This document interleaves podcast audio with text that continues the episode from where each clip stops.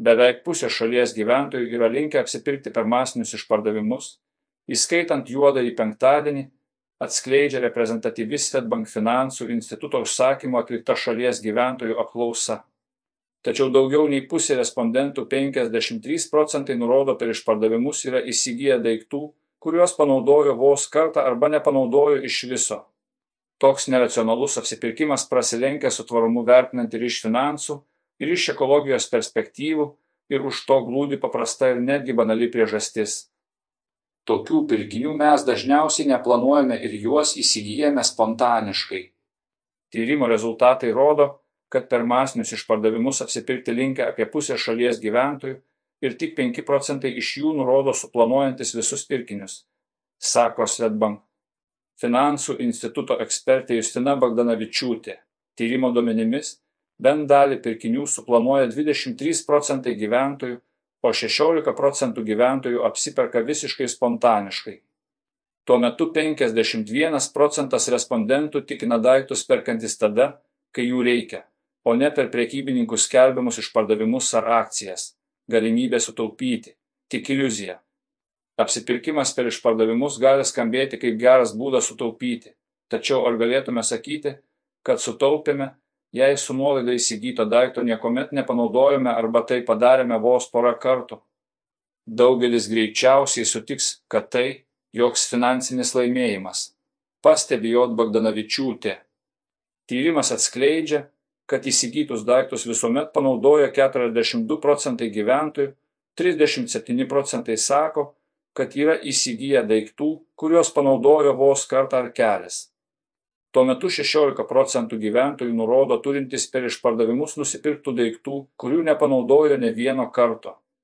Pasak jo Bagdanavičiūtės, tokie vartojimo įpročiai iliustruoja ne tik beprasmes gyventojų išlaidas, bet ir didelę kainą gamtai.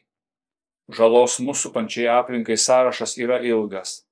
Tai netvarus ir perteklinis vandens vartojimas gamyboje bei daugybė pakuočių, kurios vėliau tampa plastiko, popieriaus atliekomis taip pat didelės papildomos transporto anglies dvideginio emisijos kurias sugeneruoja pirkėjų kelionės į parduotuves ar prekių siuntimas į namus pažymi Svetbank finansų instituto ekspertė. J. Bagdanavičiūtė pateikia pavyzdį, jog remiantis skaičiavimais, tokiais pardavimų piko laikotarpiais, kaip juodasis penktadienis, iš jo tavė elektroninės priekybos gigantės Amazon. Sandėlių kas pusantro minutės išvažiuoja po vieną sunkvežimį kaip iš tiesų išlošti apsiperkant. Masiniai išpardavimai, ypač artėjant didžiųjų metų švenčių laikotarpiai, neretai vertinami kaip galimybė pigiau įsigyti kalėdinių dovanų. Tai patvirtina ir tyrimai. 15 procentų gyventojų kalėdinės dovanas ketina pirkti juodojo penktadienio metu, rodo Inspireto M apklausos duomenys. Tad kaip masinių išpardavimų metu iš tiesų sutaupyti pinigų ir nepamesti sveiko proto. Atsakymas yra paprastas bet veiksmingas - planuoti būsimus pirkinius. Nesvarbu, ar ieškome pirkinių savo, ar dovanų artimiesiems, turėtume kruopščiai suplanuoti, kokią sumą galime išleisti savo mėnesio biudžeto rėmose, iš kokių pardavėjų ir kokių daiktų norime įsigyti. Ir jokių būdų neužkipti ant labai pigų kabliuko, sako ekspertė. Pasak jo Bagdanavičiūtės, galiausiai atsižvelgianti tai, kokių prekių ieškome, verta pagalvoti apie jų įsigijimą iš mažų ar tvariais produktais prekiaujančių vietinių verslų. Tai geras būdas palaikyti smulkų į verslą šiuo įtemptu metu, atrasti originalesnių prekių bei būti draugiškesnių aplinkai. Dažna apsipirkimo bumo rizikas sukčių pinklės. Dar vienas pastarųjų metų išpardavimų palidovas. Rizika nukentėti nuo sukčių apsiperkant internetu svarbu atminti kad mūsų noru pasinaudoti didžiulėmis nuolaidomis siekia ne tik prekybininkai bet ir sukčiai todėl reikėtų apdairiai rinktis parduotuves iš kurių perkame ir kritiškai vertinti pasiūlymus kurie neretai atrodo per geri kad būtų tiesa atkreipia dėmesį Svetbank finansų instituto ekspertė. Į fiktyves internetinės parduotuves piktadariai dažniausiai vilioja reklama socialiniuose tinkluose arba automatinė reklama įvairiuose portaluose.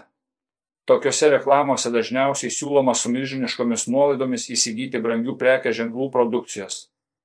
Pasak jo Bagdanavičiūtės, Visada yra saugiausia apsipirkti gerai žinomose internetinėse parduotuvėse, o jei dėmesį patraukia naujas parduotuvės vardas, patartina neskubėti pirkti joje ir mokėti pinigus.